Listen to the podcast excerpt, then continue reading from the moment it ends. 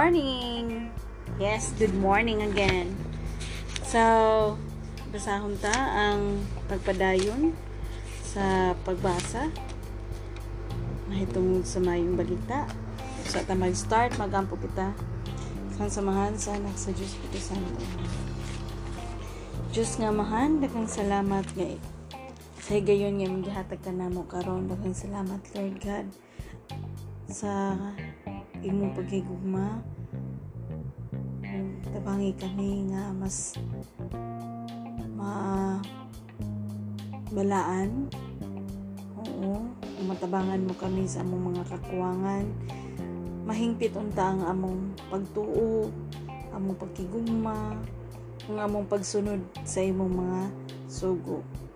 Lord daghan pa kaming mga sala nga dili dili mi angayan oo dili mi angayan nga makoy magbasa. Dili mi angayan nga magpasamuak sa imong maayong balita. Pero tungod kay gihatagan mo man kami og grasya sa kinabuhi. Tuguti nga kaning baba kaning tingog may magbasa sa imong pulong. Maluoy taon ka kanamo ng mga makasasala. Na mas daghan pa ang makabati, makadungog ug mas makaintindi pa sa imong pulong. Kining tanan among gipangayo pinagi sa ngalan ni Hesus Kristo among Ginoo manalabas. Amen. Sa samahan sana sa Dios Espiritu Santo. Ang maayong bahalita mat hitungod kang Hesus Kristo sumala sa Ebanghelyo ni San Lucas. Kapitulo 19, versikulo 1 ngadto sa 48. Kumayaon ikaw, Ginoo. Si Jesus ug si Sakeo. Si Jesus miabot sa Jericho ug samtang miagi siya, may usa ka dato nga ginganlag sa Sakeo nga pangulo sa mga kobrador sa buhis. Naninguha siya pagtanaw ka kung kinsa si Jesus. Apan mubo si Sakeo ug wala siya makakita kang Hesus tungod sa panon sa mga tao. Busa midagan siya una sa panon ug misaka sa kahoy si Kumoro aron makakita siya kang Hesus nga moagi ni atong dalana. Sa pag-abutan ni Hesus ni atong dapita mihangad siya sa kahoy umiingon kang Sakeo. Kana og dayon Sakeo kay adto ako moabot sa imong balay karong adlaw. Midali pagkanaog si Sakeo ug sa dakong kalipay midawat kang Hesus.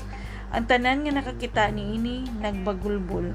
Kining tawhanan na misikta sa balay sa usa ka makasasala. Ug mitindog si Sakeo ug miingon sa Ginoo, Sir, paminaw, ihatag ko ang katunga sa akong katigayunan ngadto sa mga kabus. Ug kun ako nakalimbong kang bisan kinsa ulian ko siya upat kapit upat kapilo. Si Jesus mingon kaniya, karong adlaw miabot ang kaluwasan ni ining balaya. Kay kining tawhana kaliwat usab ni Abraham.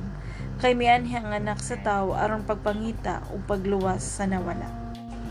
Ang sambingay mahitungod sa napulo ka salapi. Versikulo 11 hangtod sa 27. Samtang naminaw, sila ni ini misugilon si Jesus ug usa ka sambingay ngadto kanila ni adtong tungura hapit na moabot si Jesus sa Jerusalem ug naggunahuna ang mga tawo nga hapit na madayag ang gingharian sa Dios. Busa mingon siya, may usa ka halangdong tawo nga moadtuay sa usa ka layong nasod aron himuong hari ug human niya na mopauli sa ila. Sa wala pa siya mugikan gipatawag niya ang iyang napulo kasulugoon ug gihatagan niya ang tagsatag sa kanila ug usa ka salapi ug giinginan sila. Ipatigayo ninyo kini samtang wala ako dinhi. Apan gikasilagan siya sa iyang mga kakatig lungsod busa na sug, nagsugo sila mga tao pagsunod kaniya nga nagdala sa putista nga nagingon dili kami gusto nga kining tawhana maoy maghari kanamo apan siya nahimo gayong hari ug unya mi pauli ug gipatawag dayon niya ang iyang mga sulugon gihatagan niya kwarta aron hisayra niya pila ang ilang ganansya Ang una mi adto kaniya og miingon, Sir, nakaganan siya akong napulo gikan ni atong puhunan nga imong gihatag kanako. Ug miingon ang taong halangdon, Maayo, buutan ka nga sa lugon, kay kasaligan ka man sa gagmayng mga butang, piyalan ko ikaw sa napulo ka syudad. Mingon usab ang ikaduhang sulugon ug mingon sir nakaganan siya ako lima gikan sa puhunan nga imong gihatag kanako. Ang agalon mingon kaniya pihalan ko ikaw sa lima ka syudad. Ug ang ikatulong sulugon miadto nga kaniya ug mingon sir ani ang imong salapi giputos ko gayud kini og panyo. Kay nahadlok ako kanimo tungod kay higpit kara ba kaayo? Nagkuha ka sa dili imo o nag-ani sa wala nimo ipugas? Umingon siya sa iyang sulugon wala kay hinungdan. Gamiton ko ang imong kaugalingong mga pulong sa paghukom kanimo. Nasayod ka man di ay nga ako higpit kaayo. Nagkuha sa dili ako o nag-ani sa wala ko ipugas nga nga wala mo man i-deposito sa bangko ang akong salapi. Madawat unta kini nga may tubo sa akong pagbalik. Unya mingon siya ni adtong nagtindog didto. Kuhaa ka ng kwarta nga naa kaniya. Ihatag nga to sa salugon nga may napulo ka salapi. Mingon sila kaniya, apan sir, duna na siya napulo ka kwartang bulawan. Unya may tubag siya, sultihan ko kamo, nga ang tanan nga anaa ana ay iya dugangan. Apan siya nga wala gayo iya bisan pa ang jutay nga ana kaniya kuhaon pagayo. Ug karon mahitungod sa akong mga kaaway nga dili gusto nga maghari ako kanila, dada sila dinhi og pamatya sa akong atubangan. Ang madaugong pagsulod ni Hesus sa Jerusalem versikulo 28 nga to sa 40. Si Jesus misulti ni ini ug unya mipadayon siya nga to sa Jerusalem nga naguna kanila. Sa nagkaduol siya sa Betpahe o Bitanya, dito sa bungtod sa mga olibo, gipadala niya paguna ang duha niya katinunan o giitugon. Lakaw kamungad to sa balangay nga ana sa unahan ug ining sulod ninyo, inyong makaplaga ng usa ka nating asno, nga gihigot og wala pa kakabay Badbari ninyo kini og dadak dinhi. Kung may mangutana kaninyo nga no, nga inyo kining gibadbaran ing na siya nagkinahanglan ang agalon ni ini.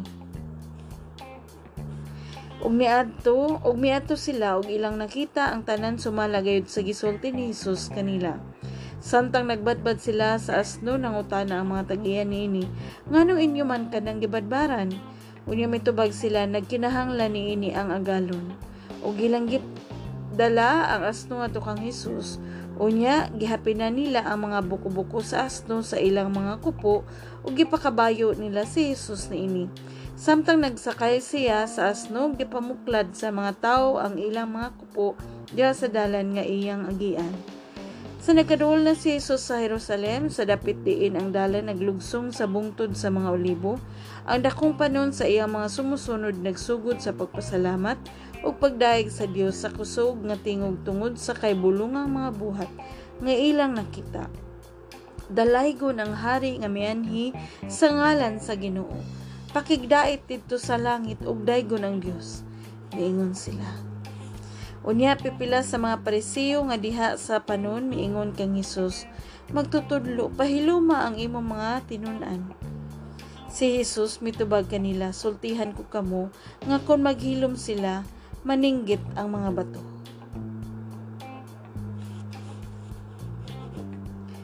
Mihilak si Jesus tungod sa Jerusalem.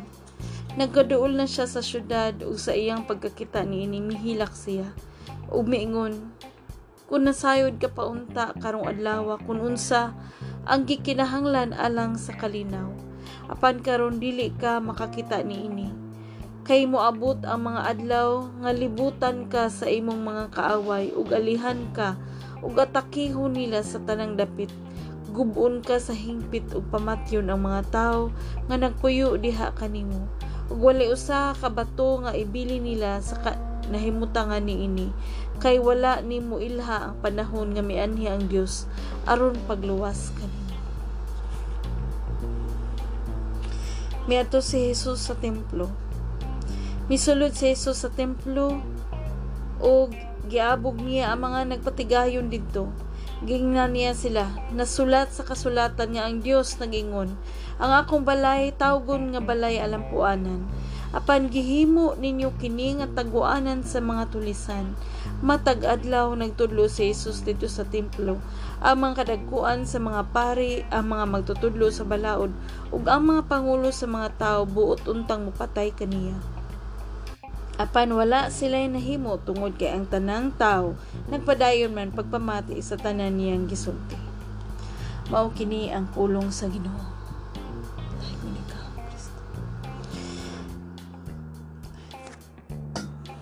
Kumusta? Unsa may atong nakatunan sa leksyon nga gibuhat ni Sakio? Si Sakio usa ka makasasala. Unya iyang gipangita o gusto niyang makita si Hesus Kristo. Ug tanan ni gistorya ni Hesus Kristo ningon siya sa katapusan Karong adlaw miabot ang kaluwasan ni ining balaya. Kay kining tawhana kaliwat usab ni Abraham, kay mayanhi ang anak sa tao aron pagpangita o pagluwas sa nawala. So, kaway-kaway sa mga naka-feel nga makasasala ta, pareho na ko, uh, ipangita ta. Mm-hmm.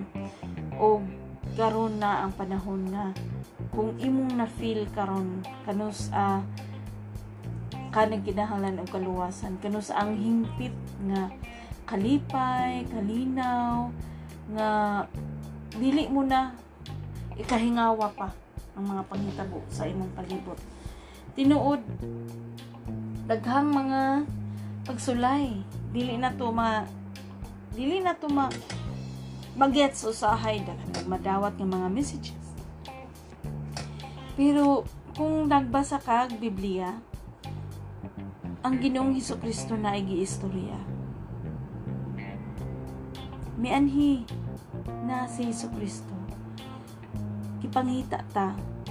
Ang iyang pulong sa una, ang pulong niya 200 mil na uh, 2 mil oh, 2 mil na ang nilabay mao gihapon nga pulong ang atong hintusok gihapon sa atong kasing-kasing. Hinaot ko igsuon nga ikaw. Na feel gyud na nimo sa imong kasing-kasing nga hala no? Gipangita man di ko. Importante man di ko. Oo. Kaya nga niya ang ginoong Hesus Kristo sa natong mga makasasala. Dili tungod kay para pasagdan ta. Kaya dili gusto sa Ginoong kita mahingad to sa kalaglagan. O atong tigamnan dinhi ang leksyon sa napulo ka sa lapi nga ug unsay atong nakatunan atong i-share, atong ipatigayon na abay ginansya. So ikaw nakamao, napabaylaing nakamao gawas nimo.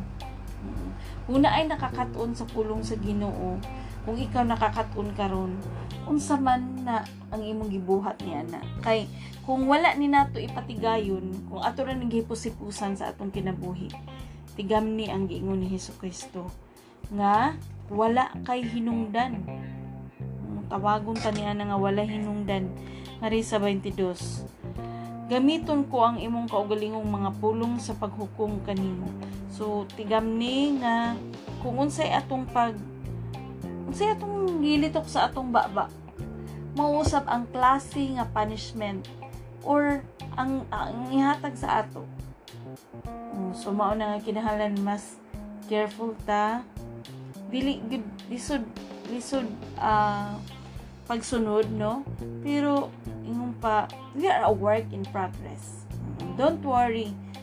Um, kaning inyo igsuon wala pa layo pag yun din taon Ginoo ko. Um, pero hinay-hinay lang gud ngon pa sa kanta namo sa uh, sa dati na kong eskwelahan namin man Little by little every day Little by little every way Jesus is changing me He's changing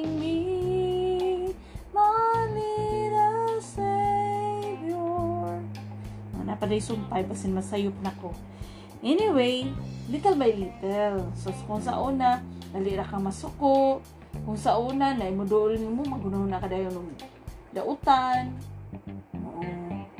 Kanang imong ginuhuna basin ang naghunghong nimo ana dautan so let it no surrender ta. Surrender ta ni God. Kay siya man ang tangiya gayud sa tanan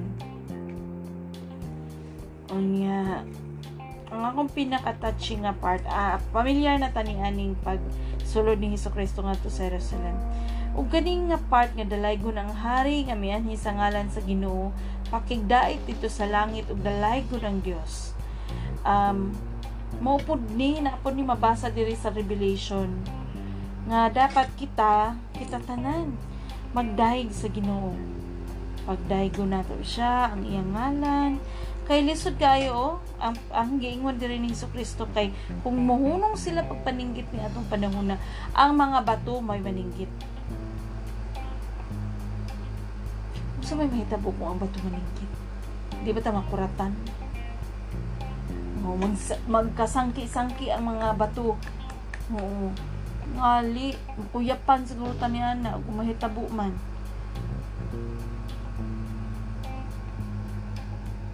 nang ayaw tapag kuan paghunong sa atong mura mura siya noog kanang kuan linog no? Nagkuwang siguro ta. May sa antop sa akong utok mo siguro maglinog kay nagkuwang ta sa pag himaya sa atong Ginoo pagdaig kaniya sa adang tanan. So what if? Nga tapos ayaw na to kalimpini kani nga pagtulunan. Mianhi kay wala nimo ilha ang panahon nga mianhi ang Dios aron pagluwas kanimo kumusta man? Kumusta man ka? Imo na bang giila ang panahon nga mianhi ang ang Dios aron pagluwas? Ang Dios anak pagluwas ka nato na feel na ba nimo nga niluwas ka? Ako igsoon feel yun na feel na feel. Mm kay ingon pa what uh, unsa imong pagtuo mo pud ang mahitabo diha kanimo dili tungod kay mao na siyang concept but uh, ever since I surrendered myself to God. So pasensya na ha nga isingit yun ako akong experience kay um Unada ra good how can I tell something nga wala na ko ma-experience. Yeah, mura siya testimonial. So, nalu na ba nimo? Dapat feel na nimo karon nga yun ana ta kapinangga sa atong Dios amahan. Yun ana ta kahalang dun. Kay gusto niya kung unsa kahalang dun ang atong Dios. Ma ma-feel o unsa ba maka makadawat usab kita niya ng himaya. In God's time, in God's time. Tapos, ayo ta pagkalimot sa tanan. Ha? Kani nga part oh, wala nimo ilha ang panahon nga mianhi ang Dios aron pagluwas kanimo. Mihilak. Ha? Ang atong Ginoong Hesus mihilak. Dili lang sa lugar sa Jerusalem kung dili kanatong tanan kay kita mga uh, gitagaan man tani ani nga gasa. Na bautismohan ta. Ang gasa kun diin si San Pablo. Nagpakita og timailhan unsaon nato pag sunod no? Pagsunod sa mga sugo ni Hesus Kristo. Kung ang Espiritu Santo dili nato kaya nga marespeto sa atong kinabuhi kung saan man nato pagkasabot bahin sa gingharian. Feel na ba ni mo nga naay gingharian? Or nagtuo lang ba kaniya na nga, ay, joke. It's a prank. Diba? Pero, ang atong Diyos, no? Ang Diyos, anak, ang ginoong Iso Kristo, mo'y naghatag ni ani tanan ng giya. Niyang gi-correct na tanan Oo. So, nga mo balik siya aron pag aron pag-decide ka nato kung kung kita nagmahingpit ba o wala. So, padayon ta ha, ayo pagbuhi. Daghan patagdaghan, patag makatunan. Magampo kita. Are you ready? Sa ngalan samahan, sa anak sa Diyos Santo. Amen. Amahan na mo nga naa sa langit, balaano ng imong ngalan, maghari ka kanamo og tumano ng imong pagbuot, dinhi sa yuta sa manggituman kini dito sa langit. Ihatag kanamo ang pagkaon nga imong ang among gikinahanglan karong adlaw, pasayloa kami sa among mga sala sa mga kami nagpasaylo, sa mga nakasala ka namo, ayaw kami tugyan sa pagsulay, luwas sa hinuon kami gikan sa dautan. Kay imo ang gingharian, ang gahom ug ang himaya, hangtod sa kahangturan. Amen. Maghimaya ka Maria na puro ka sa grasya ng Ginoong Diyos mula kanimo. Lan ikaw sa mabayan tanan mo sa bumbungan sa mga sa Jesus. Santa Maria, inan ka sa Diyos, nga po mo kami makasasala. Karunog sa oras sa mo'y kamatayan. Amen himaya, samahan, sa anak, sa Diyos, Espiritu Santo, may sa sinudan kung sa gihapon sa mga tuigan ng mga katapusan ng tanan. Amen. Sa samahan, sa anak, sa Diyos, Espiritu Santo. Thank you and God bless. This is Teacher D, desiring about God. Please invite others too. Imbitaha sila ha. Ayaw pagsuluha. Kay, pulbaan, sud na um, ganahan ka sa punishment mingon siya sa iyang sulog wala kay hinungdan tay isud kaayo ni kung ang atong Ginoo mismo may mingon nga wala kay hinungdan sakitan mga nita kung tao mismo may mingon how much more kung makabatitan ni ana sa Ginoo? Mamingon nga wala hinungdan ni mga tuta sa impyerno. Oo. Isip-isip please invite others. And Thank you.